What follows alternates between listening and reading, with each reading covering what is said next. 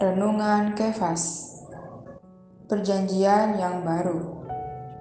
Ibrani pasal 9 ayat 23 sampai 24 Jadi segala sesuatu yang melambangkan apa yang ada di sorga haruslah ditahirkan secara demikian. Tetapi benda-benda surgawi sendiri oleh persembahan-persembahan yang lebih baik daripada itu. Sebab Kristus bukan masuk ke dalam tempat kudus buatan tangan manusia, yang hanya merupakan gambaran saja dari yang sebenarnya, tetapi ke dalam surga sendiri untuk menghadap hadirat Allah guna kepentingan kita. Kemah dan setiap hal yang berhubungan dengannya diperciki dan disucikan oleh darah kambing dan lembu jantan itu adalah suatu gambaran yang memperlihatkan bahwa benda-benda surgawi itu perlu disucikan oleh darah persembahan-persembahan yang lebih baik, yang adalah Kristus sebagai kurban persembahan. Surga dan semua benda di surga telah dicemari oleh pemberontakan iblis dan malaikat-malaikat jatuh yang mengikuti iblis dalam pemberontakannya terhadap Allah.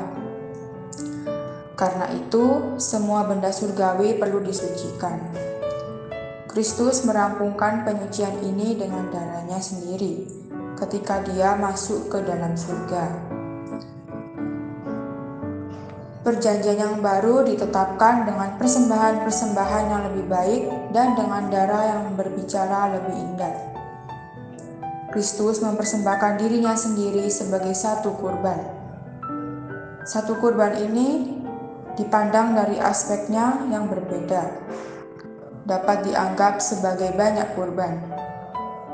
Karena Kristus adalah putra kekal Allah yang hidup, yang berinkarnasi menjadi anak manusia, dan karena dia mempersembahkan dirinya sendiri kepada Allah melalui roh yang kekal.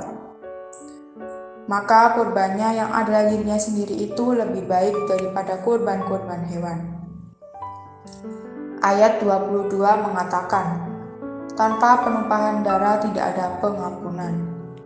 Tanpa pengampunan dosa, tidak mungkin memuaskan tuntutan kebenaran Allah, sehingga perjanjian itu dapat disahkan. Tetapi darah Kristus telah teralir bagi pengampunan dosa, dan perjanjian yang baru telah disahkan dengan darahnya. Sobat Kefas, Ibrani pasal 12 ayat 24 memberitahu kita bahwa darah Kristus berbicara lebih kuat, indah daripada darah Habel. Darah Kristus ialah darah yang berbicara, yakni berbicara kepada Allah untuk pengampunan, pembenaran, pendamaian, dan penebusan. Darah Adi ini berbicara kepada Allah bagi kepentingan kita, mengatakan bahwa oleh darah ini seperti yang diwahyukan dalam kitab ini. Perjanjian yang baru yang kekal telah ditetapkan. Karena itu, darah ini disebut darah perjanjian yang kekal.